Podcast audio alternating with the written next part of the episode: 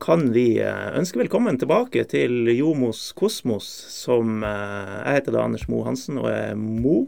Eh, vi har gjort noen endringer i sommerens overgangsvindu, som sikkert mange har fått med seg. Jo Nymo Matland har forlatt oss, som de fleste, de fleste, gjør. Så tenker man på kjærligheten, og det, det er riktig og bra. Så han bor ikke i Tromsø lenger. Og uh, da henta vi rett og slett inn uh, ikke Jo, men Mo. Yes. Hei, Mo. Du tenkte òg på kjærligheten? Siden jeg henta deg? Ja. Bare for å angripe det med en gang. Uh, så Du fikk et tilbud om å erstatte Jo også i Ålesund. Ja, fra, kjæresten til Jo. Ja, det så jeg òg. Jeg, er med, Silje. Ring meg. Okidoki, den, den er grei. bare, bare, for å rydde noe annet av veien. Vi har også fått litt spørsmål om, eh, om navnet på podkasten. Eh, inntil videre så velger vi å beholde navnet fordi det er enklest, det er ryddigst. Folk skal ikke bli forvirra. Eh, så får vi se etter hvert om det blir Det har vært nevnt Momos, selvfølgelig. Mhm. Jeg har antyda at hvis du blir for varm i trøya og tar over showet, så kan det bli Yamas Kosmos. Oi. Og eh, så kom jeg på her om dagen at de har slengt ut en uh, ny Mo. Og så har vi fått en ny Mo. Oi, oi, oi, oi, good one. så vi kan kalle det Nymos Kosmos også. Ja, det kan Nei da, vi, vi, vi, holder det til Jomos Kosmos foreløpig. Eh, ferien er over, VM er over, eh, Premier League er i gang, norsk fotball er godt i gang. Eh, og vi har fått med oss en gjest. Øyvind Alapnes heter du. Hallo. Hei. Ja. ja. Jeg har ingen eh, kjærlighetshistorie til Ålesund. Men takk for at jeg får være her. Ja, det skulle bare mangle. Eh, du er jo nå hotelldirektør, da, eh, på The Edge. Det er ikke i kraft av det først og fremst at du er her. Men vi, bruker å introdusere, og derfor introdusere deg som i hvert fall tidligere toppdommer, er vel lov å si? Ja, det er lov å si. Det har jeg vært. Og leder i fotballkretsen. Ja. Gikk ja. av i februar. Så ja. jeg har vært seks-syv år der som leder. Ja. ja. Men nå er, nå er, jeg egentlig hotelldirektør på heltid. Ja. Men med sterk interesse for det dere snakker om her, fotball. Ja, ja, ja. Eh, det jeg ikke har et så klart bilde av, eh, bortsett fra at jeg vet at du i perioder har vært sabla veltrent og løpt fryktelig fort, men uh, som fotballkarriere, fins det? Eh, ja, eh, karriere er å dra det langt, men jeg, jeg starta mine barndomsår i, i, i, eh, fotballklubben Vårsol utenfor ja. Finnsnes. Og når vi ble smågutter, så flytta hele laget over til, eh, til Finnsnes.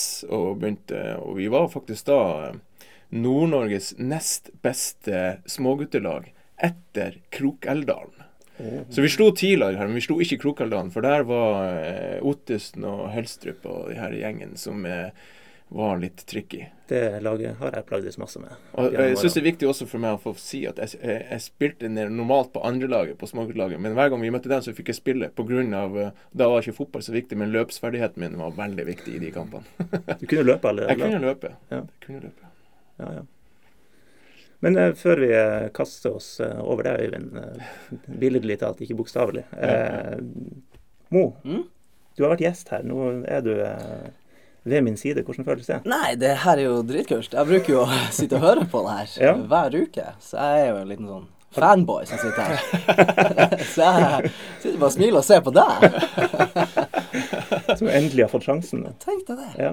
Ja, du må få vise deg tilliten verdig. Da. Det er klart, ja, så, det, så du kommer til å være enig med alt det Anders sier, liksom? Ja, ja. ja, smiler og se på Nei da.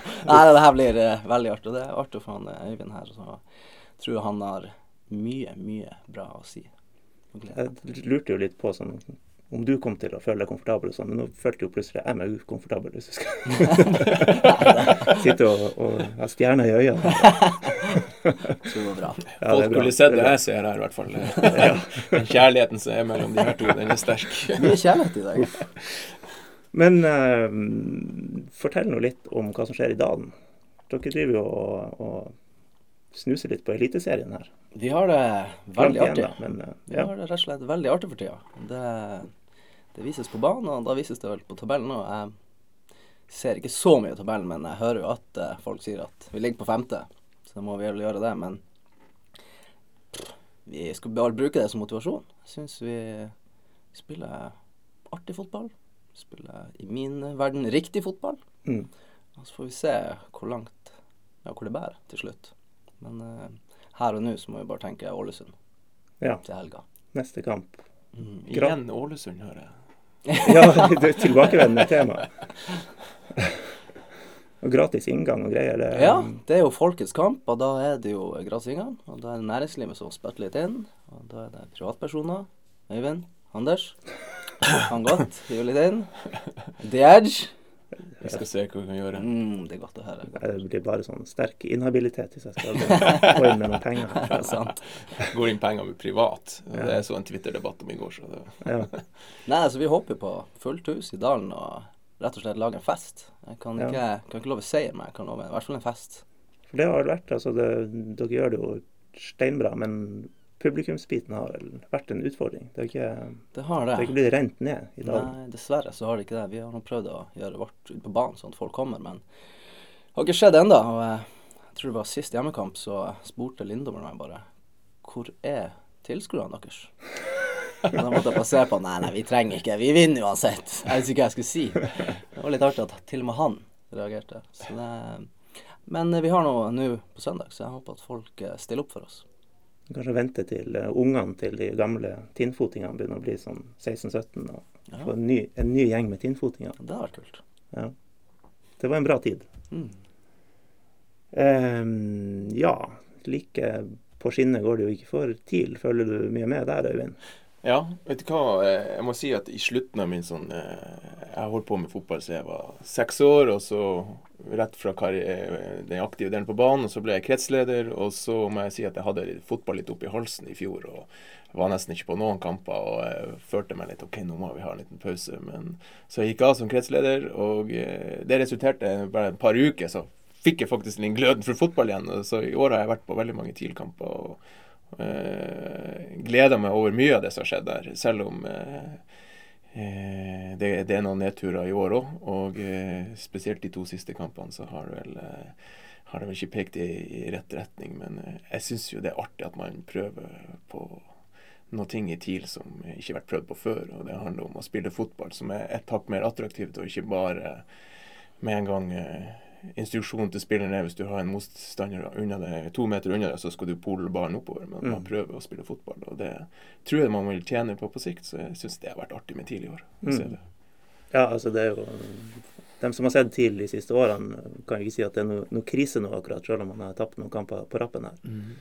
Uh, men det er vel kanskje noe med når man begynner å klatre litt, gjør det bra, og så Haugesund hjemme, Sandefjord borte, ser kanskje skjer det noe der, så er vi oppe og kjemper i medaljekampen, og så blir det null poeng. og Da, da er det jo litt nedtur, da.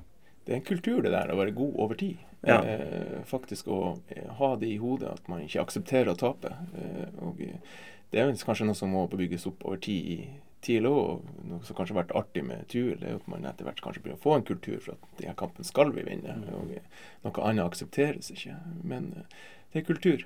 Er det hotelldirektøren som snakker nå? det hørtes overførbart ut. ja, nei, men det er veldig mye overførbare ting. Selv om jeg må si at jeg er en av de som hater foredrag der idrettsledere eller idrettsprofiler skal, komme og fortelle næringslivet hva de skal gjøre, og motsatt. Eh, så, så, er det jo paralleller mellom å ha, få ting til å vare, i hvert fall. Mm. Det syns jeg. Ja. Og så ble ikke Ruben Yttergård Jensen tilspiller. Hva vi, hva vi sier til det? Nei, jeg syns først og fremst det er ufattelig leit for TIL. For han er en av de, kanskje om ikke den beste spilleren jeg har spilt sammen med. Og vet at han hadde tilført TIL ufattelig mye, men uh, Hadde passa veldig bra inn i den stilen. Altså. hadde han passa ufattelig bra. Så det er så leit. Men uh, jeg tror vi må ta uh, Rubens alder, og så må vi tenke på bankkontoen hans. Og jeg tror at jeg hadde gjort akkurat det samme som Ruben, og begynte å sikre meg litt nå for, for den tidlige fotballpensjonen. mm. Nei, vi sitter jo her kun som Eller jeg sitter her som fan og tenker kun den veien. Men jeg kjenner jo Ruben veldig godt, og du sier jo mye bra poeng der. Ja, det, det er sånn. Og Ja da. Jeg tror de fleste hadde gjort samme valg, faktisk. Det var jo visstnok en ganske stor forskjell på det Brann eh, Ja. la på bordet, både til klubb i Nederland og spilleren sjøl, sammenligna med det TIL kunne, kunne komme med. Må vel huske på at TIL er vel den eneste rødflagga eh, klubben i Tippeligaen når det kommer til økonomi, og eh, handlingsrommet der er vel eh, veldig forskjellig fra Brann. Ja, Ja. det kan vi vel si. Men han skal til Alfheim i høst, da. Det kan jo bli interessant. Det kan absolutt være. For det er jo sånn, altså, Jeg forstår òg valget, eh, men jeg ser også at det er vanskelig å forstå for eh, de, de mest ihuga TIL-supporterne, kanskje. Den er tøff å svelge. Ja, jeg tror det. Men jeg tror samtidig at Ruben har eh, vist veldig mye respekt overfor sin eh, hjemmeklubb, og at eh, over så mange år. og jeg tror folk kommer til å ta godt imot Ruben på, på Alfheim også. Jeg tror det kommer til å være en par-tre gærninger som buer, men jeg tror de, tror de fleste faktisk eh, fremdeles forstår Ruben. Ja, da. Ja. Han er jo Ruben er jo Tromsø-gutt, så Mm. jeg tror de fleste kommer til å skjønne at det gikk ikke denne gangen. Men Det, det viktigste med Ruben er at eh, de gangene jeg har møtt ham, så er han et godt menneske. Ja. Han er en De som har møtt ham, vet jo at eh, det går ikke an å ikke like ham. Så, så han er en bra mann. Og selv, selv gode menn må gjøre av og til vanskelige valg, og kanskje litt kyniske valg. Det tror jeg vi alle gjør. Så er det lov at vi buer på han. ja, ja, vi kan bue, vi òg. Det er lov å bue Ja. Det er jo det, faktisk det må jeg si. Det er at, at jeg, la, problemet med å være fotballdommer det er at du blir drilla så nøytralt hele tida. Så når du satt på Alfheim og hadde lyst når TIL scora, så måtte du bare holde hendene nede. Men akkurat nå er det jo det deiligste. Det er jo når TIL scorer, og du kan røyse deg og bare Yes! Jeg har aldri hatt lov til før, så det er jo det som har gjort litt, skapt litt glede med fotballen. Og kanskje også, hvis Rubel kommer tilbake, at man kan prøve seg på den buinga. Det, Så du kunne ikke gjøre det da fjerdedommer, f.eks. Legge fra deg tavla og strekke armene i været. nei. Nei, det kanskje tatt seg dårlig ut. Ja, det, det gjorde noe faktisk med hele fotballhodet mitt, eh, for jeg var veldig into rollen min, og, og, og at eh, i enhver anledning så, så forholdt jeg meg nøytral. Og det var liksom, det var ikke noe vanskelig valg, egentlig, fordi det var litt av det egoistiske at man har lyst til å gjøre det godt med det man holder på med. Og, eh, og da var det vanskelig. eh, Selvfølgelig fantes det øyeblikk der det var vanskelig når TIL skåra. På den andre sida så fikk jeg bare være fjerdedommer på Alfheim. Jeg hadde ikke lov å dømme TIL i egen krets, så jeg reiste jo stort sett sørover hver gang. Mm. Men ja, det å få lov å juble over fotballen, det er en av de største gledene jeg har hatt med fotballen i den siste tida. Men eh, dømming Vi Mm. kan gjerne hoppe opp i den eh, bøtta. Eh, bare for å ta en tematikk først, da, som, som noen også har stilt noen spørsmål om. Eh, VM i sommer og, og VAR, Ja. som eh, din forgjenger fikk seg et gult kort for og fleipa med. Men eh, det, det var ikke først og fremst det jeg skulle ta opp. Men, eh, men hva tenker du om, om VAR, videodømming? Eh, altså, Videodømming har jo vært prøvd i både den eh, italienske og den engelske ligaen med litt sånn eh, ulikt hell. Men jeg, jeg må jo si at det som eh, Fifa gjorde i VM, og den måten han løste VAR på, var en formidabel suksess. Og så har det i etterkant vært diskusjoner om VAR, men jeg mener at det ikke var så diskutert, men kanskje i større grad bedømming av hands Der folk har vært veldig uenige. Jeg, jeg tror ikke det er VAR-systemet som faktisk er, er problemet her, men det er faktisk hvordan dommerne er instruert til å se hands, og hvordan vi andre ser hands. Og Der er det et litt for stort gap nå. Eh, det er ingen tvil om. Så VAR var jo uten tvil en formidabel suksess.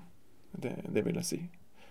Og så er det sånn at jeg ser at man vil ha det i Norge òg, og det kan hende det kommer. Men eh, det jeg lurer på da, det er jo selvfølgelig kostnadsspørsmålet rundt det her. Ja. Vi så det vanvittige apparatet. De hadde 36 kameraer. Det får man aldri i Tippeligaen. Og eh, det satt fire dommere eller, ja, i, i, rommet pluss to-tre videokontrollere. Så I full dommerdrakt. ja, i full dommerdrakt. pluss kontrollerne som skal styre videoene til dommerne. Eh, Ja. Og, og, og eh, pluss en, eh, en, en, en, eh, skjerm som sto på indre bane. Altså, det, det så sykt dyrt ut. Men så er det jo, som du sier, til syvende og sist, eh, dommeren kan gå bort og se på den skjermen, men, Mm. men det er jo dommeren som skal ta en avgjørelse. Det er dommeren som tar avgjørelsen. Ja. Hoveddommeren på banen. Kan du da kort uh, forklare for oss andre hens-regelen? jeg kan forklare den, men jeg, ikke, jeg, kan ikke, jeg er ikke sikker på om folk til å forstå den. Men, men, det er jo en av de uh, få tingene på banen som faktisk skal være gjort bevisst. Eh, altså Hvis uh, du er uheldig og feller en spiller selv om du ikke mente det, så kan du få et frispark mot det. Men hensen er i prinsippet en av de tingene som skal være gjort bevisst. Men likevel så er det lagt veldig mye opp til dommeren å tolke om du har gjort det her bevisst. Og det er helt umulig for en dommer å, å, å vite hva som foregår inni hodet ditt, om det her er bevisst handling eller ikke. Derfor har man lagt på litt sånn her Hvordan skal man se det her? Er det handa som søker mot ballen, eller er, det, eller er det motsatt? Er det tett på, eller er det langt ifra? Mm. Altså spillerens mulighet til å egentlig ta bort handa. Og så handler det om at hvis vi hopper eller om vi sklir på banen, så, så, så vil jo hendene komme ut fra kroppen noen gang. Mm. Og det vil jo være en naturlig stilling. og Med andre ord så skal du ikke straffes for det.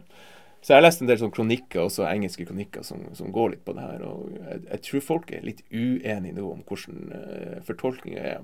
Og det kan man ikke kritisere dommerne for. For, for dommerne lever av retningslinjene som Fifa gir dem i forhold til bedømming av det her. Mm. Da er det faktisk Fifa sjøl som eh, med, med, med fotballopinionen som må faktisk bestemme seg for hva skal man gjøre med hands. Og, og eh, da er det jo noen som sier Skal man da si at hver gang ballen er i handa, så skal man egentlig bare dømme hands? Og så er det igjen OK, hva skjer da hvis du uh, står med, med en, en, en, en, forsvarer, så sikter du istedenfor mål, så begynner du å sikte på handa. Ja.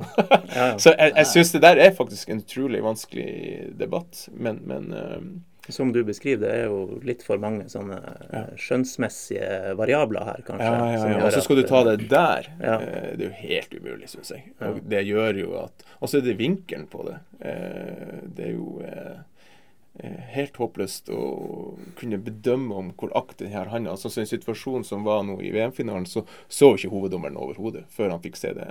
VAR varsla han, og han fikk mm. se det på, på, på TV. Og der folk fikk eh, det man drakk i halsen fordi eh, det ble dømt straffe.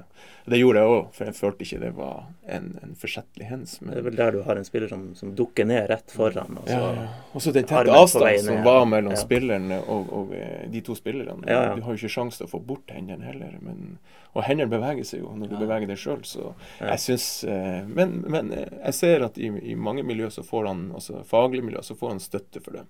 Og da handler det jo mer om hvordan dommerne er instruert. Og, og, eh, jeg vil tippe at Fifa kommer ut med en eh, sånn som sier at det her var en korrekt avgjørelse. Ja. Men, men det, eh, er vel kanskje der uenigheten var. Så, så VAR var jo en suksess. Det vil jeg si. Du hadde jogga bort til skjermen, og, eller ikke jogga, du, du sprinter jo som regel bort til skjermen og ikke dømt straffe der. Ja, mitt, mitt fotballhode sier at det er ikke straffe. Men samtidig så sitter jeg jo enda med, med, forståelsen for, for dommeren. og når jeg, Før hver sesong i Tippeligaen så får vi retningslinjer i forhold til hvordan vi skal fortolke mm. regelverket. For regelverket er ganske basic, men så kommer det ut retningslinjer som handler om hvordan du skal fortolke regelverket. og Som dommer må du jo være lojal til det. Du, du har jo fått en instruksjon fra dine sjefer om hvordan, hvordan det her skal være. For der, den der er ikke noe sånn her eh, hard tilhenger av VAR i utgangspunktet, men uh, på, i den episoden der mm. uh, diskuterte jeg med flere om ikke det var en type episode der dommeren kanskje får mer lyst til å dømme straffe fordi han får se det i sakte film. Mm. Mm. Ja. For når du opplever det, og han dukker ned foran, og det går så fort, og armen eh, Du hopper litt, og ja. så tenker jeg det er ikke straffe i det hele tatt. Ja. Men når du får se den i sakte film, ser det kanskje mer ut som et straffespark. Det er jo noe jeg av og til ser når generelt sett ut på banen. Når man får se ting i, i sakte film, så, så, har man en helt annen opplevelse med fart for, og, og, reell hastighet. Fordi mm. i reell hastighet så klarer man også å forstå noen ganger at kanskje ting ikke er gjort med hensikt. Mm. Men i sakte så kan det hende at du får den helt uh, motsatt uh, effekten av det. Så ja, uten tvil. Samtidig så var det 36 kamera de hadde, tror jeg, VAR-dommerne kunne se fra. Så har, det kan jo òg være at vi ikke har sett alle. Det Blant annet finnes det, var det egne offside slow motion-kameraer. Mm. Eh, som vi ikke alltid tipper vil ha tilgang i vanlig TV-produksjon. Så ja. Lykke til med hands-regelen framover. Men jeg syns det er jo kult at til og med når vi får se det i slow motion 100 ganger, så tolker folk det helt utallig. Mm. Helt forskjellig. Ja, ja. Det, det er det som er kult i fotball. Og det, og det vil jo aldri VAR eh, klare å løse. Altså, eh, det vil jo fortsatt være uenighet i, i studio. Eh, TV-studio her etter kampene om det var riktig eller ikke. Eh, og der sitter jo en dommer nå og skal ta den avgjørelsen. Så du vil ikke, VAR vil jo aldri eh, likevel skape eh, 100% enighet om at ting var korrekt. Nei. Det vil du aldri gjøre. Heldigvis. Nei, jeg syns det, det er vanskelig. Jeg har jo den der rett skal være rett-følelsen. Ja. Sitter jo i ryggmargen. Men samtidig det der eh, Hvis laget ditt skårer et mål, så kan du liksom ikke bryte ut i hemningsløs jubel. Du må Mm. kanskje stå og vente et minutt, og så Å, nei, OK, det ble ikke noe. Men, men hvem som sier at fotball skal være rettferdig? Nei, du har det òg. Ja. Ja. Jeg tror pengene har eh, vært en eh, vesentlig del av det, samtidig som du De største eh, internasjonale kampene, så føler folk at ting skal være gjort korrekt. En VM-vinner VM-vinner skal eh, vinne kampen på en fair og riktig måte. Ja. Eh, Men eh, ja, det er Jeg syns det er vanskelig, faktisk. Og sjøl om, om jeg liker det eller ikke. Men eh, jeg syns Fifa i hvert fall i mye større grad enn den engelske ligaen og den italienske ligaen har lykkes med systemet. Fordi i England så oppsto det jo ekstremt mye vanskelige situasjoner, eller situasjoner skapt at man ikke hadde laga et godt nok system rundt det, som mm. gjorde det vanskelig. Mens Fifa faktisk eh, må kunne, selv om vi ikke liker alt Fifa holder på med, så må vi gi dem litt skryt for måten de løste det var på som første VM. Mm. Eh, det er første gang det er blitt løst i VM eh, kontra det de engelske og italienske ligaene gjorde. Ja. Det må jeg si. Det digger, er jo mållinjeteknologi. Ja. Det gjør kanskje ikke du etter Ikke- Premier League-starten. Nei, eh, mot- ikke i helga. Det var, det var et Tottenham-mål der som var ca. tre millimeter akkurat over streken. Det var eh, Jeg husker TIL spilte europacupkamp her, og så var jeg ansvarlig for den eh, Uefa-delegaten. Og Uefa-delegaten var han som var president i det walisiske fotballforbundet. Og uh, han sitter jo da i The Board, og The Board er jo det som er øverste organ i Fifa over alt annet å bestemme hvis det skal komme vesentlige endringer i fotballen. Det er England, Wales og Skottland, tror jeg. Mm. Uh, Det er guttene som bestemmer de viktigste tingene i fotball. Det er ikke noe styre, men da er det The Board. Og han satt i det, da. Og han fortalte om implementeringa av mållinjeteknologien, som var at uh, per nå, eh, det var jo sist tilspilt europakamp, så fantes bare to-tre ligaer i verden som hadde råd til å implementere den Mm. Og det er jo sikkert en av del av årsaken til at vi ikke har det i Norge. Det er at det er ja. to-tre aktører i verden som har, står bak innovasjoner på det her og skal tjene sine penger, og det er ekstremt dyrt å implementere. ja. Så et, det er ikke så enkelt å bare si at ah, da må vi få det til Norge. Nei, nei. nei, nei. Det fungerer jo så sømløst. Det er liksom en, Ja. det dirrer på armen til dommeren. Og det går fort. Det er det vi liker. Ja, ja, ja. Men eh, dømming Ja. Vi er ikke ferdige med det på, på langt nær. Vi har en ganske fyldig spørsmålsbunke etter hvert og, Ja, ja, der det går igjen som et tema. da. Eh, jeg ber deg bare sånn komme på noen gode historier fra din tid som dommer, Oi, oi, oi. Ja. utover at du en gang eh, ga en eh, Fløya-spiller et gult kort for å skritte opp avstand til muren i Skarphallen. Ja, og da eh, så du at eh, da ramla hele fotballkarrieren din sammen, siden du valgte å opponere mot meg der. eh, Selv om jeg var alene, så er vi en stor gjeng til. Og du opplevde kanskje etter det også at der du tidligere fikk straffespark og marginale situasjoner gikk imot deg, og Snakker vi om deg? Det er med meg. Nei da, det, det, det, det skal man ikke gjøre. Så jeg fikk, jeg fikk et sånn her Suárez-stempel ja, det var det. i miljøet. Ja. Ja. Det er bare Han er ut. Ja, ja. Ja. og da bikker det litt imot, og da ender du opp som eh, journalist i Nordlys etter hvert. Ouch. Jeg har vel erkjent i ettertid at det er vel det er sannsynligvis det mest fortjente gule kortet jeg noen gang har fått. Ja, det, var, takk. det var ikke så klokt gjort. Du skulle ikke bare hjelpe han? Jo, altså jeg følte jeg gjorde det òg, og viste at det var for kort avstand. Ja, og det ble jo ikke gjort noe med det heller da, av dommeren. Jeg er på Men, ditt lag. Jeg skal ikke ta opp den kampen her i studio. Det er et veldig Nei. intimt studio, skal jeg bare si til de som hører på. Nei, det, det, det, er jo selvfølgelig veldig mange uh, flotte historier. Det, det, er veldig mange av dem handler om når man har vært i krigen. Uh, men jeg tror faktisk en av de gode historiene, det var når jeg var tredjevisjonsdommer og akkurat hadde rykka opp til andredivisjon. Og så skulle jeg flytte til Tromsø, og så tok min klubb Finnsnes kontakt med TIL om jeg, dem, jeg fikk lov å være litt med i miljøet. Og TIL åpna alle armer med, med, med Terje Skarsvord i spissen. Jeg fikk være med på treningen til TIL gjennom en hel vinter. Faktisk, ja. Og fikk ja. dømme alle kampene deres. Jeg fikk betalt for treningen, til og med. Ja, og, og, og eh, eh, jeg husker at det samme året som jeg begynte der, så hadde jeg vært på Norway Cup-kurset som dommer. Eh, sånn elite for veldig unge dommere som eh, Fotballforbundet har. Jeg nådde overhodet ikke opp. Og det var liksom den første turneringa laveste. Og så var jeg en vinter med TIL, bygde på med selvtillit, skulle i andre divisjon. Fikk ekstremt mye fine tilbakemeldinger fra TIL. Og, og, og året etter så eh, dømte finalen på Jet Cup, som var kanskje en million gang høyere renka både fotballmessig og sånn. Og det handler om at eh, vi som fotballdommere, som alle andre, blir tatt imot i et miljø på en respektfull måte.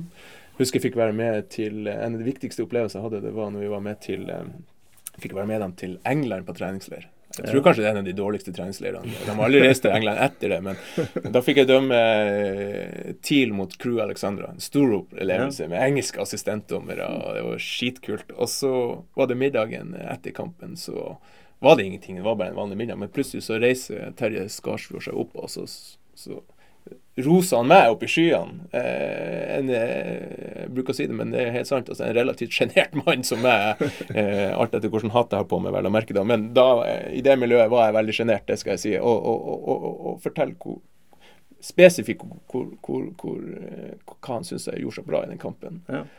Og den opplevelsen trekker jeg frem alltid som, som, når jeg skal si hva, hva som gjorde ei mus til en mann. Eh, og det var akkurat sånn, et sånn lite øyeblikk.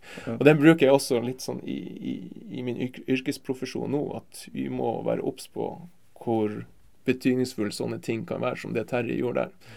Og da var det faktisk bare etter at jeg hadde dømt en eh, noen få kamper i andredivisjon det året som første, så, så, kom opprykket med en gang til, til førstedivisjon. Ja. Og det, det, var faktisk takket være Terje Skarsfjord. Eh, Skarsfjord han vet hva han snakker om. Han er eneste ja. tiltreneren som har, eh, har, eh, omtalt meg positivt på, på fotballbanen. Shit.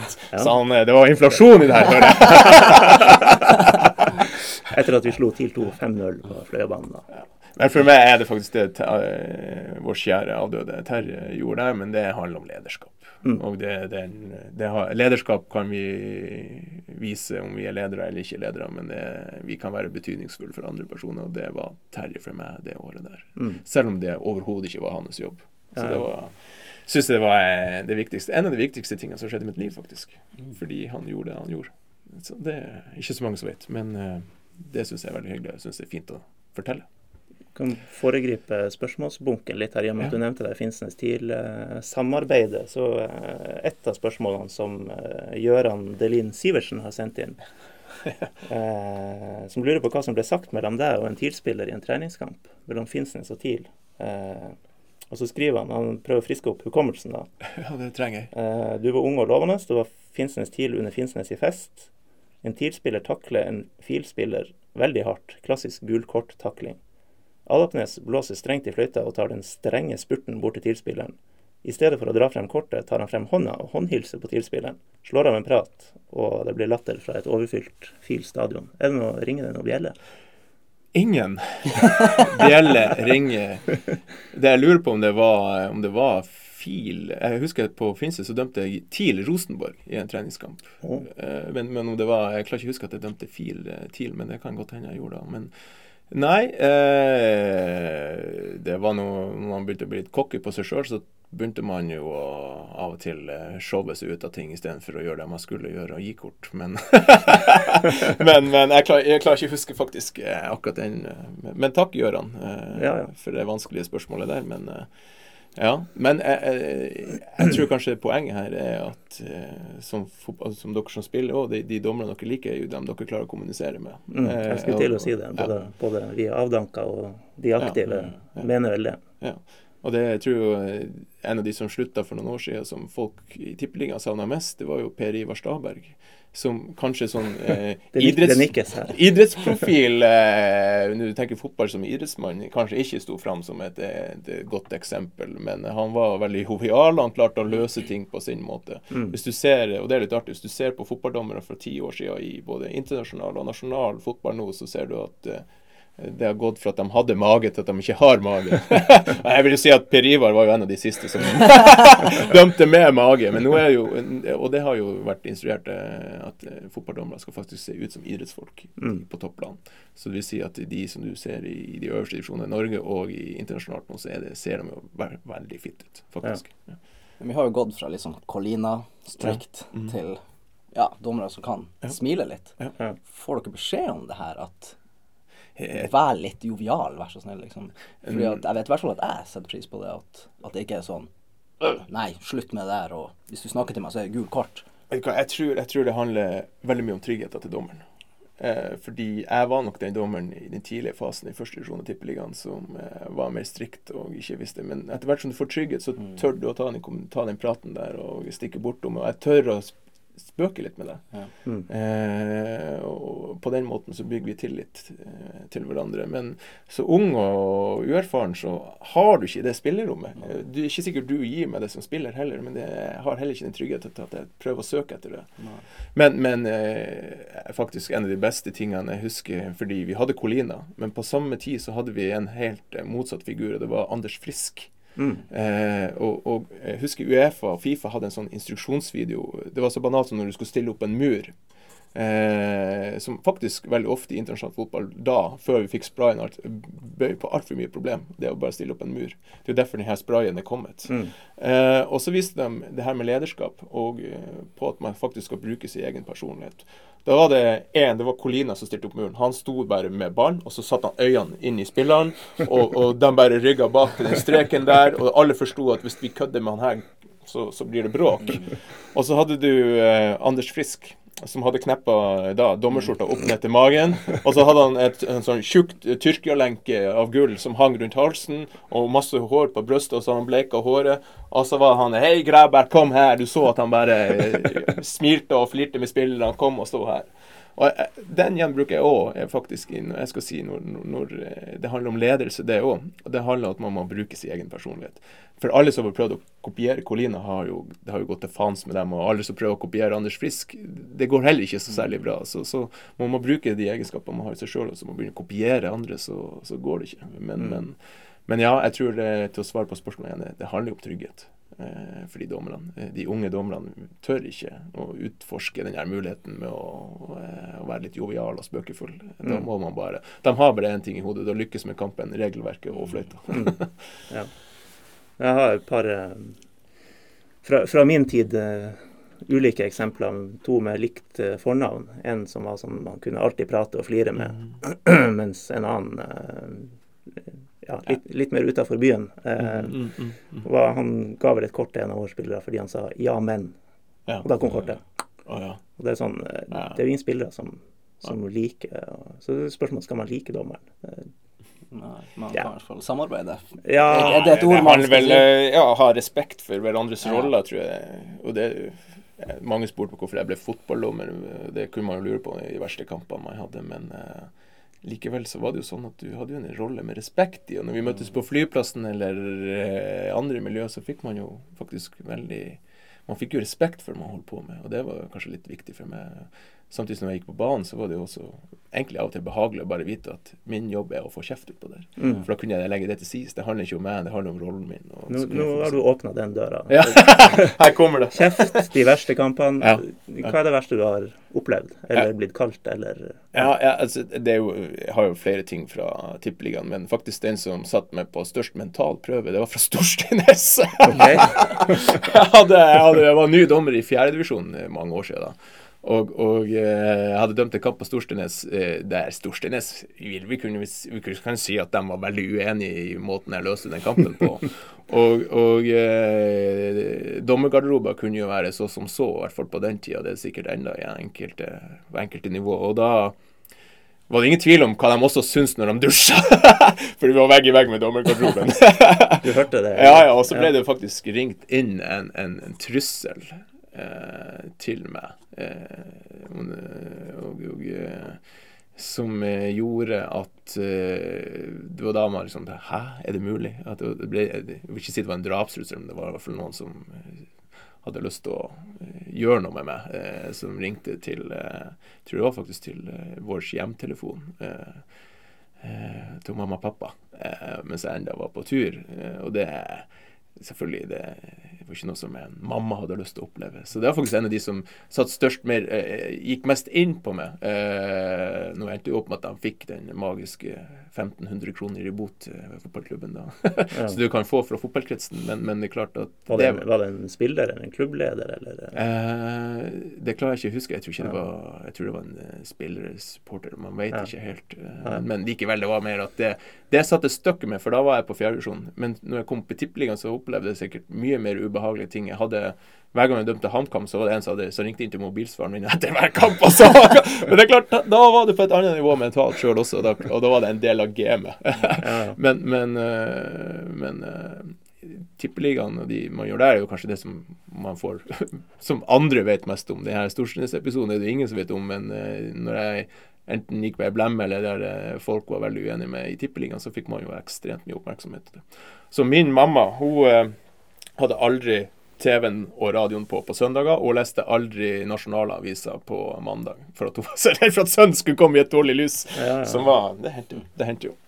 Ja.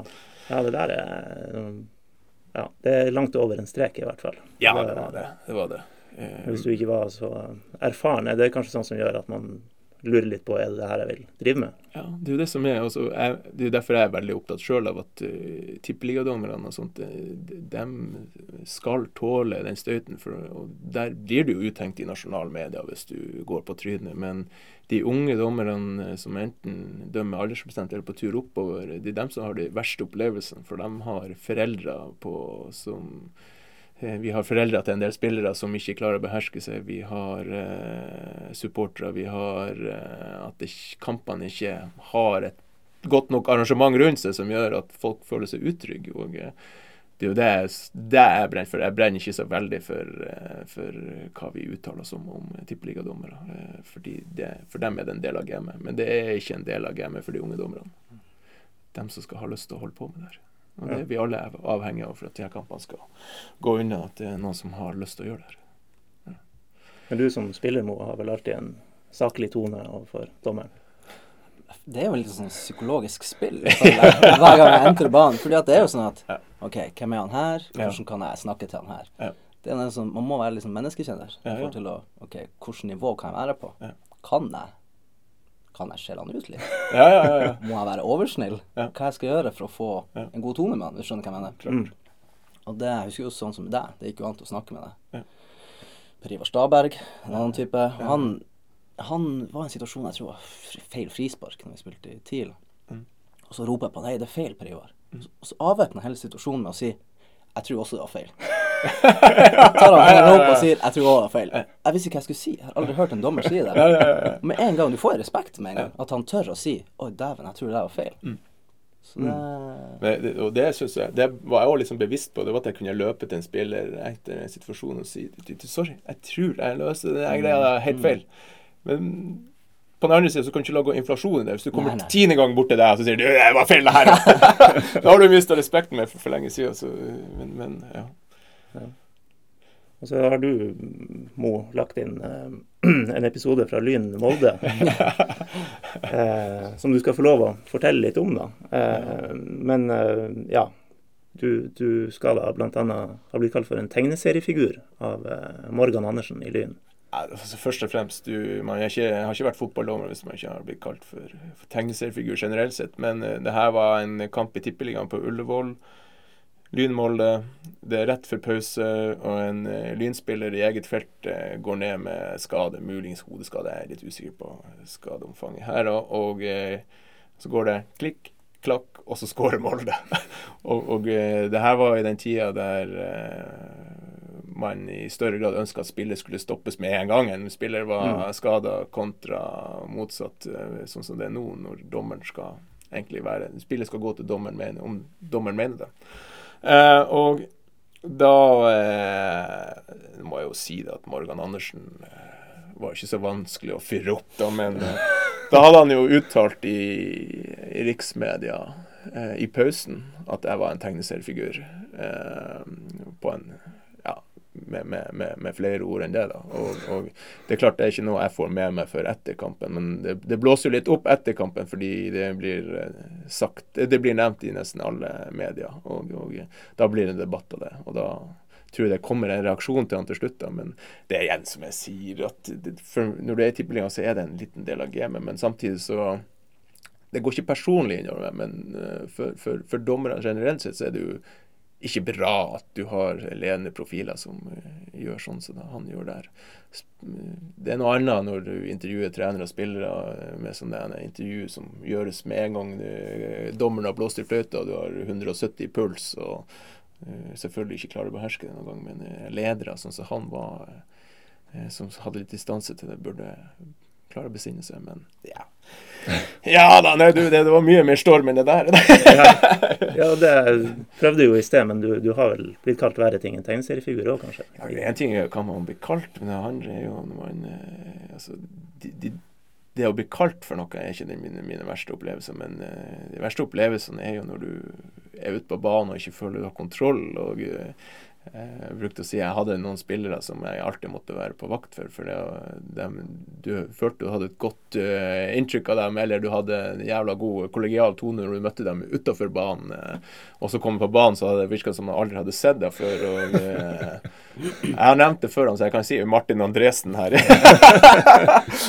har nevnt det før han ettertid, nå har vi begge fått fotballen litt på avstand, men, men han var av den typen som han tok på seg fotball fotballdrakten og man blåste i gang, så Da våkna villdyret? Ja, da våkna villdyret litt. Ja, det, og det kunne være vanskelig å balansere. Samtidig så var han jo veldig ofte kaptein i de lagene han spilte i. Mm. Så hvis du ikke hadde kontroll på Martin, så hadde du ikke kontroll på laget hans heller. Det er litt av den dynamikken du, dynamikken du må holde på med som dommer. Det er at du må finne de spillerne som er de egentlige lederne i laget, om de er kaptein eller ikke. Mm. For har du kontroll på dem, så har du vel ofte kontroll på hele laget. Men mister du kontroll på dem, så kan du ha 90 minutter i, i Ja.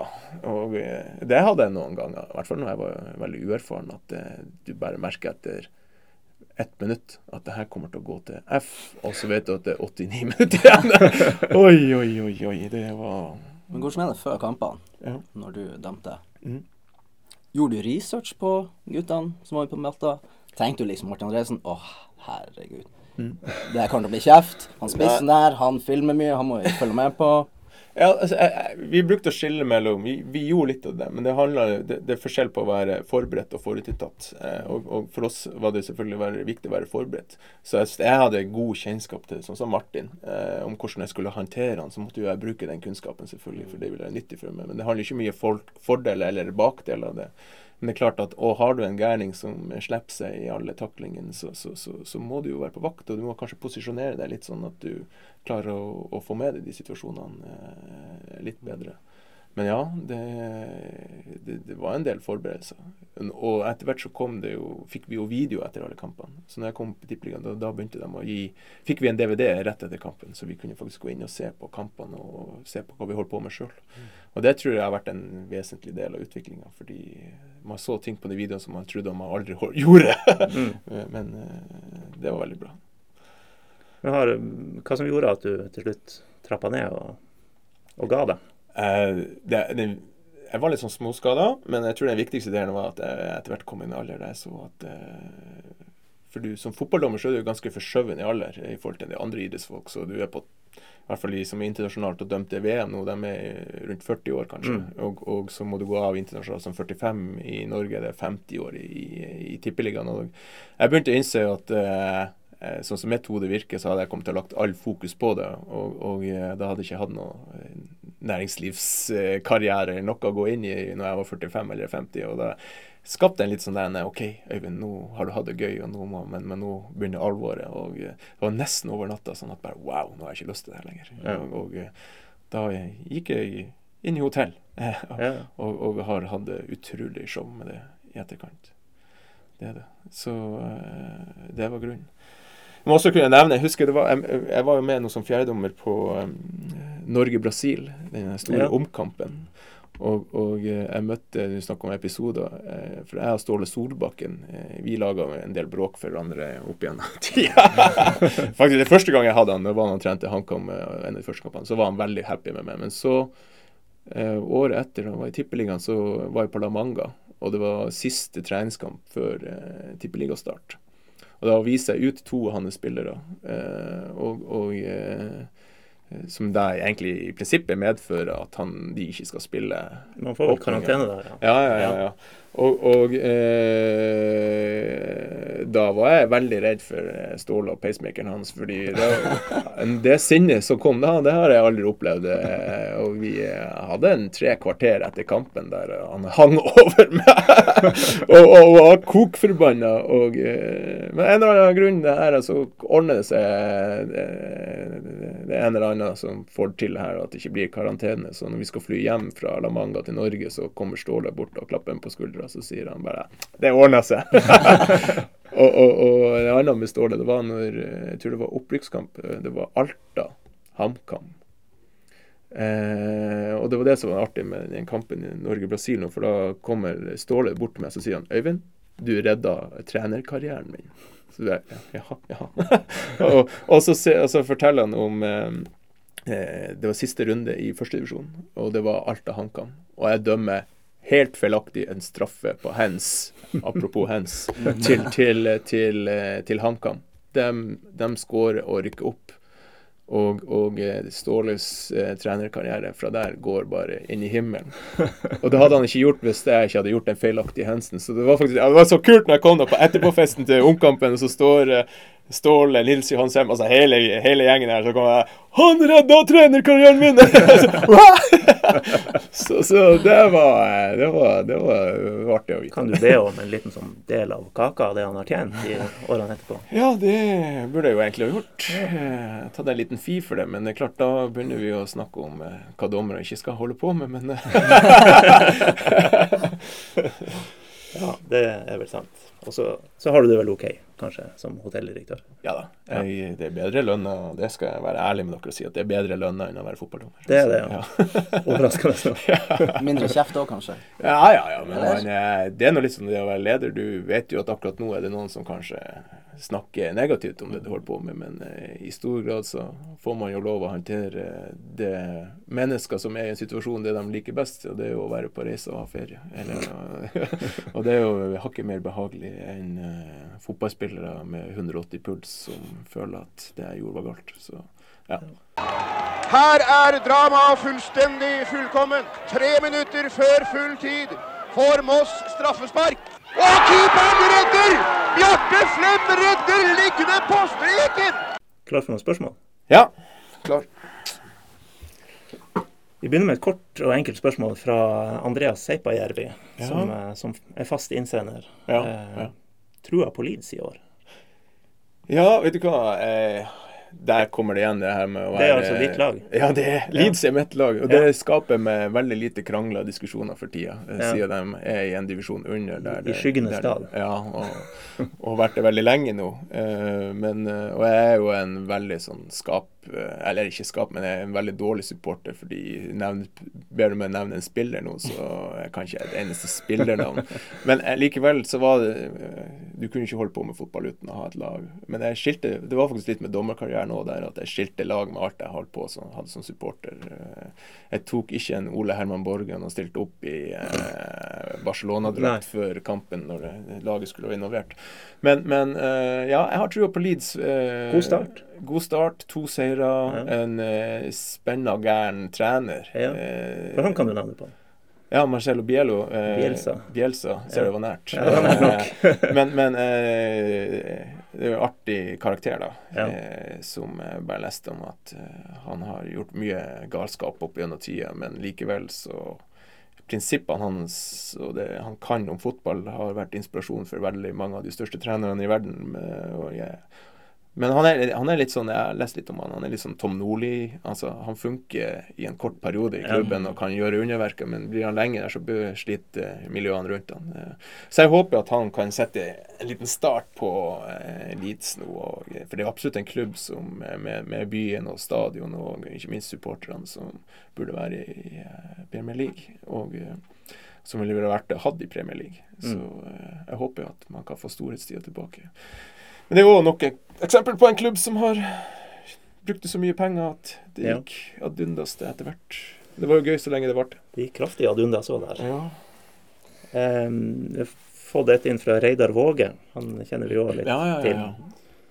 Uh, han, han, prøver, som Gøran Sivertsen, å fremkalle et minne her, så det er mulig det er bom igjen. Vi får se. Skjervøy Glimt i cupen. Ja, den glemmer ja, den, Det er cup, ja. Eh, to utvisninger ja. og en tredje utvisning av daværende ordfører ja. som sto på linja. Ja. Kommentar? Ja, det var Det var, eh, det var eh, Våge ja, det er vel, Våge senior. Ja, Våge senior som var ordfører og blir står på indre bane og er veldig aktiv. Og, blir, og det er jo litt artig på stadion der, for der blir det jo prinsippet nesten vist ut til kirkegården, som ligger i overkant. Jeg husker jeg har et bilde av meg på Skjervøy med tre, to av assistentene våre i svart dommerdrakt, svart-hvitt bilde. Det hadde regna, så vi så så nitrist ut. Og så var det tatt bilde av oss, og så var det kirkegården i bakgrunnen. Men eh, ja, eh, Skjervøy-Glimt, der eh, tror jeg eh, Det var ikke veldig mange på Skjervøy som var glad i meg etter den kampen. Jeg viste ut to spillere. Og det var vel òg en straffespark der til Glimt som de syntes var ikke helt etter boka, men Eh, det jeg minnes, var jo selvfølgelig etterspillet etter den kampen, for det ble jo en del avisgreier at du har vist ut ordføreren ja, ja, ja. på, på tribunen. Eh, og eh, men det har vi løst bra i ettertid. Man blir jo venner etter hvert igjen, men det var litt spesielt. Var ordføreren tilskuer, eller var han trener? Ja, han var jo også leder, klubbleder. Jeg tror han var leder i klubben. Ja, okay. ja. Var han på indre bane, da? Eller var han tilskuer? Ja, han var litt for nært indre bane der. Han var på indre bane. Indre bane er jo da innenfor et tau, som jeg husker. Okay. Men bare lurt på, har du som dommer lov til å vise ut tilskuere? Ikke hvis de er på tribunen, men ja, han var jo da i prinsippet på indre bane. Samtidig så når du Ja, du, du er, det, det, var faktisk ikke så vanskelig når du er dommer, fordi eh, når du er, lagle, er, klubbleder og ordfører, så vet du at du må ikke lage for mye motstand der, for da ender vi opp i enda større.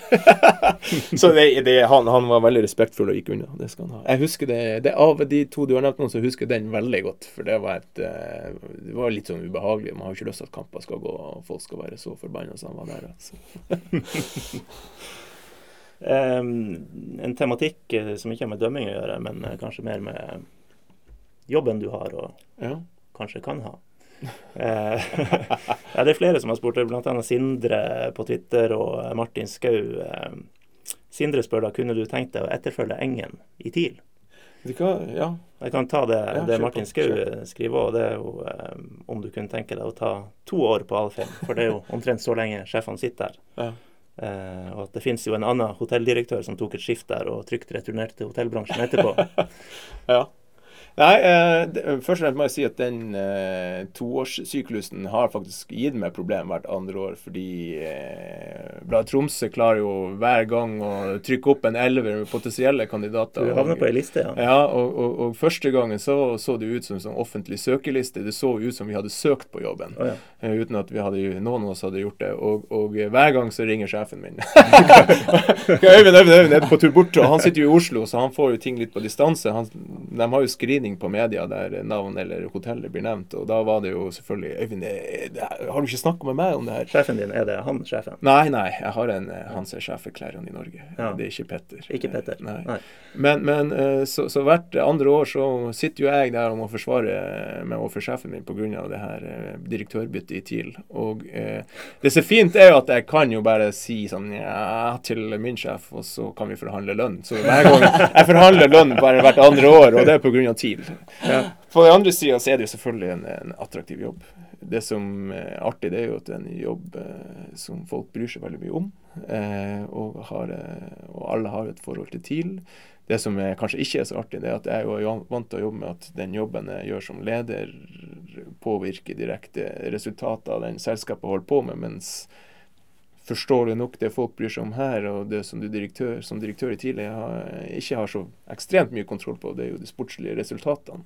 Mm. Så eh, klubbens eh, ve og vel handler veldig ofte om, eh, om, om, de sportslige resultatene som det skal gjøre, mens jeg er jo vant til å jobbe med at det jeg gjør, får en direkte påvirkning på resultatet. og sånn sett Hvis jeg gjør en god jobb, så får jeg et godt resultat. Men det er ikke nødvendig at du som, nødvendigvis sånn at som direktør i TIL og du gjør en god jobb, så får du eh, et godt resultat etter det folk mener.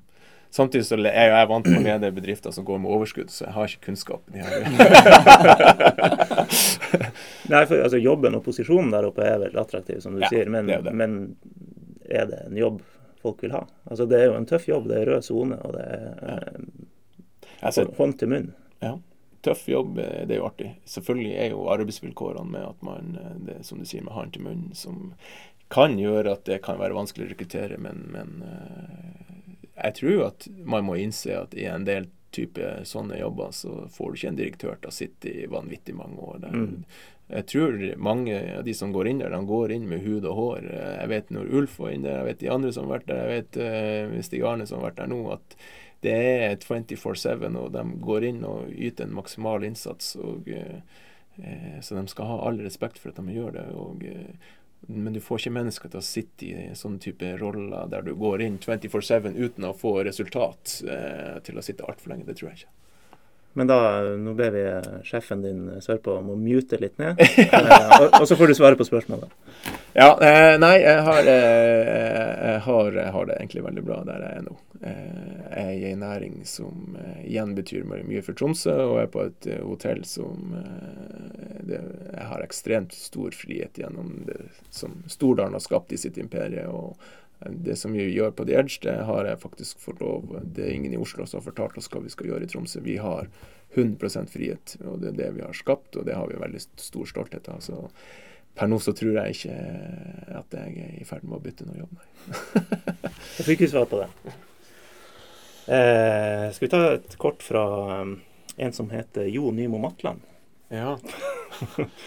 eh, hvor, hvor fornøyd er Mo med innlegget til Steffen i helgens kamp? Eh, og hvor mye skal dere knuse Ålesund til helga? og så spør han da om det her med hvor mange kroner du, Øyvind, bidrar med til Folkets kamp. Men eh, vi har vel vært innom det, da. Men eh, ja, ja. du får svare på det mer sportslige, du, Mo. Nei da, han, Steffen spiller høyreback på laget vårt. Jeg søkte til han Steffen, hvis han legger ballen der Hvis han legger ballen der ja, to-tre ganger i løpet av en kamp, så har han 1920 siste løpet av sesongen. Og jeg har 1920 mål. Så eh, nei, det var, det var, artig at han fikk det til. Vi har, vi har egentlig snakka Vi snakka om det faktisk rett før kampen. Akkurat det legget der. Så det var artig at det, det gikk seg til. Men han eh, skylder meg flere. Jeg vil ha mer. du vil ha mer. Ikke noe takk her, for å si det sånn. Greit det der, men gjør det litt oftere. ja. Ålesund, tar dere? Det er et fantastisk godt fotballag. Det er, og det er jo sykt artig å møte sånne lag. Mm. Når man er liksom i andredivisjon og møter ja, sorry, Senja og eh, kanskje sånne lag. Finnsnes, unnskyld. Du kunne sagt Senja og stoppa. Ja, okay, okay, unnskyld, unnskyld. Nei, men det, du hører, jo, det klinger jo. Ålesund hjemme. Det, det, er sykt kult. Og det tenkte jeg fullt hus til helga. Det er jo ingenting smartere enn det. Mm. Da, da begynner vi å snakke. Ja. Vi kan vende tilbake til Gøran Delin Sivertsen. Han er her. Ja, han har et par til. Med oss. Eh, det ene har med løping å gjøre. Han sier han har sprunget flere 3000-metere sammen med deg. Mm. Eh, og har klart å holde følge i opptil 40 meter før du ble borte. eh, hva er persen din? Den er rett under ni. Uh, men, under ni? Men jeg holder på med løping en viss tid her. Jeg holder på med 800-1500 meter. Eh, så egentlig det som var treningsgrunnlag for det. Jeg holdt på som dommer. Og da var jeg en del av mellomdistansegruppa til Bull. Og da mm. var det faktisk eh, grusomme treninger hver dag. Eh, men de var veldig korte, heldigvis. Men det var etter Vebjørn Rodalen-prinsippene, som handler om veldig mye syre og hurtighet. Lang, lang, lang hurtighet og, og men vi, de testene vi sprang som dommer, det var jo Coopers. Gode, gamle Coopers. Hvor langt du kommer på 12 12 minutter. Ja. Og der husker jeg at eh, en av de testene jeg gjorde fordi det var en av de testene jeg ikke kunne reise til Oslo, men du måtte ha godkjent folk til å akseptere at testen var gjort, så da gjorde jeg det under en 3000 meter på Valhall. Og, og eh, jeg kommer i mål på 3000, og så, begynner, så springer jeg videre. Og da begynner spiker 'Øyvind, du er i mål! Du er i mål!' Men da, da, klarte jeg 3850 meter, og det, det syns jeg var et bra bra. Ja. Men eh, ja, jeg, jeg er glad i å løpe. Jeg gjør det. Ja. Så du er i den enden, og så er han Privar i Ja, sorry Per Ivar, men eh, det er vel ikke noen eh, stor hemmelighet at du eh, Vi måtte av og til dytte deg i mål. Husk å tagge Staberg her. Ja, ja, ja. Legg ut det. Ja, eh, vi gir oss ikke helt med Sivertsen. Hva er det rareste teoretiske spørsmålet du har fått på en dommerprøve? Eh, Så sier han av typen angripende lag er alene med keeper. Inn fra venstre kommer en hund og stikker av med ballen. Hva gjør du? Ja, nettopp. Det er sånne ting som før var på en del teoriprøver eh, som, eh, for å bare sette folk ut. Men jeg syns det artigste spørsmålet jeg bruker å stille til andre folk noen gang, det er Dere vet det helt sikkert, da, men det var at hvis du har fri, eh, frispark, og så skyter du ballen i eget mål uten at eh, noen er borti ballen. Det vil si at hvis jeg nå har fått eh, frispark på egen 20 meter, og så skal jeg sentre tilbake til keeper, men keeper bommer på ballen, og ballen går i mål, hva gjør vi da? Altså når det er frispark, Ja. da ville jeg jo tenkt selvmål. Jeg har jo hørt det her ja. på femmeter, hvis du sleiver og skrur inn i eget mål, da er det Ja, corner. Det gjelder det samme for frispark. Det her er faktisk corner, ja. Er? Corner til motstander. Fordi eh, prinsippet, det er et prinsipp bak det her. da. Så hvis du skyter ballen i eget mål, og ingen er borti den, selvfølgelig sneier den innom keeper, så er det mål. Men er ingen borti den, og den går i mål, så skal du dømme corner. Det handler egentlig om prinsippet om at du skal ikke i neste trekk straffes for noe som motstander har gjort mot deg når du fikk frispark. Det er prinsippet bak det. Okay. Men det var en sånn ting som du kunne få på teoriprøven. Men det som dere ser nå her, det kan jeg stille til veldig mange folk. Og det er jo en reell ting som kan skje. Det er jo at du faktisk eh, slår til ballen tilbake til keeper, og keeper bommer, eller han går innom noe tua i gresset, eller hva det nå er. Ja. Så går han i mål. Så skal det ikke være mål, det skal faktisk være corner. Så det er Vær så god. En ting jeg ikke skjønner. Nei, men det En ting jeg skjønner. ja, kommer, Kom kom det ene. Innkast. Hvis jeg kaster langt, Ja. og den går rett i mål, Ja. så blir ikke det i mål. Nei. Det går For meg høres det helt Ja. Det høres veldig dumt ut. Ja, det er bare Det er en regel. Ja. Det er, hva, hva årsaken til regelen er, det vet jeg ikke, men du har ikke lov å kaste ballen direkte i eget mål. Den kjedelige voksenforklaringa, det bare er sånn. Ja, ja. ja nei, eh, den er jo slitsom, da. Eh, Og det var veldig ofte sånn som kunne skje på aldersbestemt fotball i stor grad, Mm. at eh, du kunne kaste ballen i mål. Eh, men, uh, der igjen er det jo Er noen borti ballen, sneier den innom, så er det jo mål. Men går han direkte i mål, så er det ikke eh, Tenk jo bare at det er veldig dårlig av det forsvarende laget. Det som er meg, er at du er den som drar den her fram, for jeg tror ikke du er den som dryler barnet. Jeg kan ikke kaste. Det vil vi se hvis dere, hvis dere allerede har rykka opp før siste serierunde. Da skal du gå ut og ta lange innkast i, på Tuil Arena. si sånn, Jeg og nevnte Steffen, vi kaster så mye feil. Så nå er det opp, opp i botsenatet at eh, det er godt mulig at det blir bøter for feil innkast. Det er bare pga. oss to. Nesten som uh, Og det skjer i norsk Aurier, førstedivisjon, faktisk. Det stemmer. Ja, ja. Aurier på Tottenham som klarte å gjøre det tre ganger i samme kamp forrige sesong. Det er sterkt. Læringseffekt høy. uh, ja, skal vi se om vi har mer i bunkeren. Ja, vi har selvfølgelig eh, noen spørsmål fra eh, sentralkomiteen på Hatteng skole, som også er fast bidragsyter. Ja vel. Um, beskriv den mest sytete og ufine spilleren i dommerkarrieren. Åh. Det står gjerne navnet, men ikke nødvendig. Å ja. Nei, eh, jeg vil faktisk nevne Jeg har jo nevnt navnet allerede, for guds skyld! Det er jo ikke vits å holde tror Nei, jeg jeg, sa jo Martin Andresen, eh, men eh, det, det handler, som jeg sa, Martin var en, han er jo en særdeles jovial type når du møter han utenfor banen, men det skjer noe med han når, mm. når rullegardina så går ned når han kommer utpå og får drakten og kampen er i gang. og jeg nevnte det her med at eh, vi kunne spøke med spillere. Eh, så, ja, og det vet jeg kunne gjøre med det hvis det var en litt sånn en eh, Mm. tricky situasjon vi hadde involvert i. Så kunne jeg springe bort til jeg på skuldra og si sorry, eller noen Ja. spøker, og så hadde vi en god tone etterpå. Men Martin eh, måtte bare holde kjeft. han kunne kalle det så mye arroganse du ville, men du bare sa det nå. Jeg prøvde på en spøk, men så hadde du bare en storm tilbake.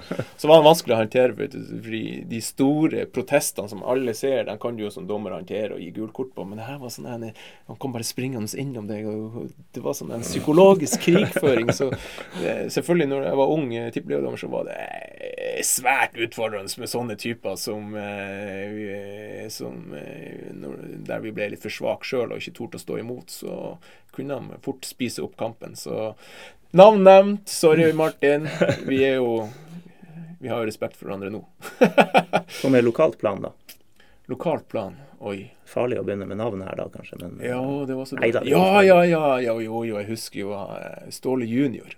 Å oh, ja, riktig. Ja, han var en klegg etter dommeren, ja, ja. Det, og hans bror eh, Håkon, tror jeg. Mm.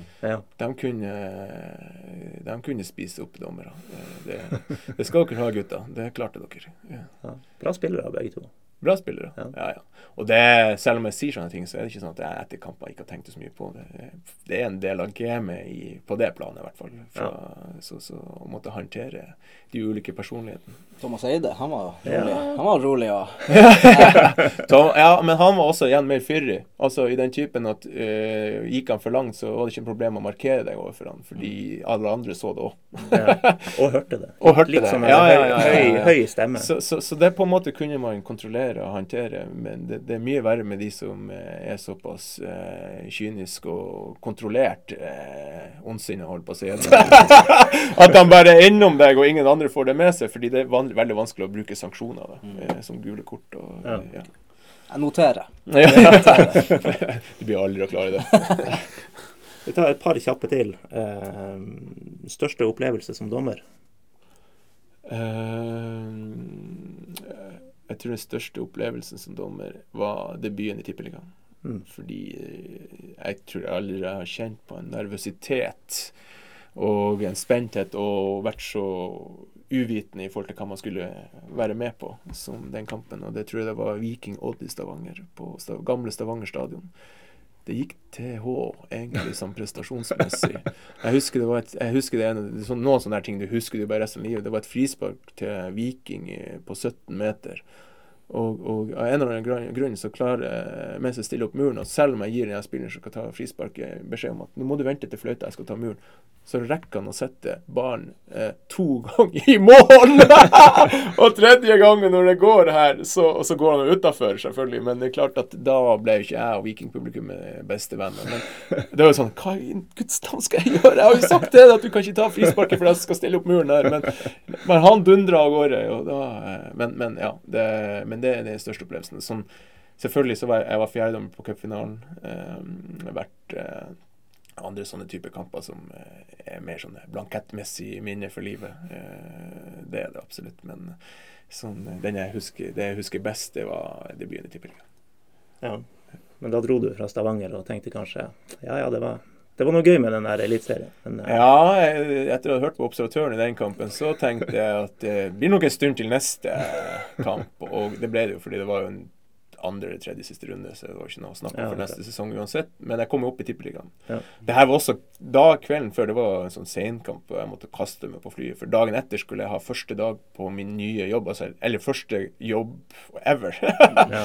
Og det var, det var, en trøtt og slapp Øyvind som kom og skulle prøve å utstråle arbeidsglede den dagen der. Og Det er jo litt av det momentet med at du som fotballdommer har fast jobb. Altså det var, da var det tøft å kjenne på det. Det må være heftig å være borte nesten hver uke, og så mm. jobbe ja. i ukedagene. Hvordan er det? Ja, det er litt sånn som så du ser når man sitter og snakker med han Ingebrigtsen om Jakob om han kaster bort hele ungdomsårene. Det var noen ganger jeg følte at jeg kasta bort det fordi og Spesielt når du jobba, for da var det jo jobb og trening. Det var det livet handla om fra mandag til fredag. Og så skulle vennene dine ut og ha det gøy fredag og lørdag, men du hadde selvfølgelig i Norge, da, det er det dumme, du hadde kamp hver søndag. så du måtte jo holde deg i ro, og det var jeg veldig sånn, opptatt av at jeg skulle gjøre de riktige forberedelsene. Og så sov jeg aldri før kamp, og sov aldri etter kamp. Eh, ikke nervøsitet, men det var bare sånn hodespenningsdelen som burde bygge seg opp. så det mennesket som da kom på jobb eh, mandagsmorgen etter to netter uten søvn og en sånn eh, 90 minutter der du er ganske kokt i hodet når du er ferdig, eh, det var ganske tøft. Det gikk bra da jeg var ung, men det var også kanskje litt av det jeg kjente på. At eh, det livet hadde jeg ikke lyst til å Det vel det profesjonelle fotballspillere òg gjøre, selv om du sa jobbe. og Da får vi vel si jobbe i hermetegn, skal vi ikke det? Mm. Jobbe hele uka, og så har de Ja, ja, ja. Altså, ikke jeg, helgen fri heller. jeg er ikke noe profesjonell, jeg. Nei, nei, nei jeg, jeg viste ikke til det. Men absolutt, vi Ja, har jo Problemstillinga er lik der. Det er det samme. Ja. Det er det absolutt. Men så jo han Marcelo, det han kaltes han eh, nye manageren i Leeds. Han hadde jo et stramt regime med at spillerne måtte være på eh, feltet fra halv ni om morgenen til syv om kvelden. Og han hadde bygd egen sånn sovehus for, for dem på treningsfeltet til Leeds, så at de ikke dro hjem. Så det var, kunne være opptil fire økter om dagen. Eh, Kortere. Han kjører ikke det gjennom hele sesongen. Det tror jeg ikke. Det tror jeg ikke. bare vi skal si at Leeds holder til jul, for da kommer brakkesjuka Tom kraftig. Nolo inn der, da. Men eh, tida har løpt fra oss, Ja. så vi må, eh, vi må sette et punktum. Eh, Vi må bare takke for at du kom, Øyvind. Ja, men tusen takk. Det her var hyggelig. Og så må vi eh, be folk om å se fotball. Ja. Se Tur Ålesund spille gratis. Mm. Ja. Se eh, TIL borte mot Vålerenga. Se masse eh, annen fotball. Tredjedivisjon, full runde, som vi viser på nordlys.no, selvfølgelig. Ja. Eh, hvis man ikke kan være på stadion, for det er jo best. Så eh, snakkes vi vel etter hvert. Jepp. Jepp. Snakkes. Snakkes. Ha det. Hei, Philip. Great match today. Congrats, 30 years. Have a nice Saturday. Congrats again. Have a nice evening. We take them all. Just take them all. Have a nice evening. Happy birthday. Happy birthday.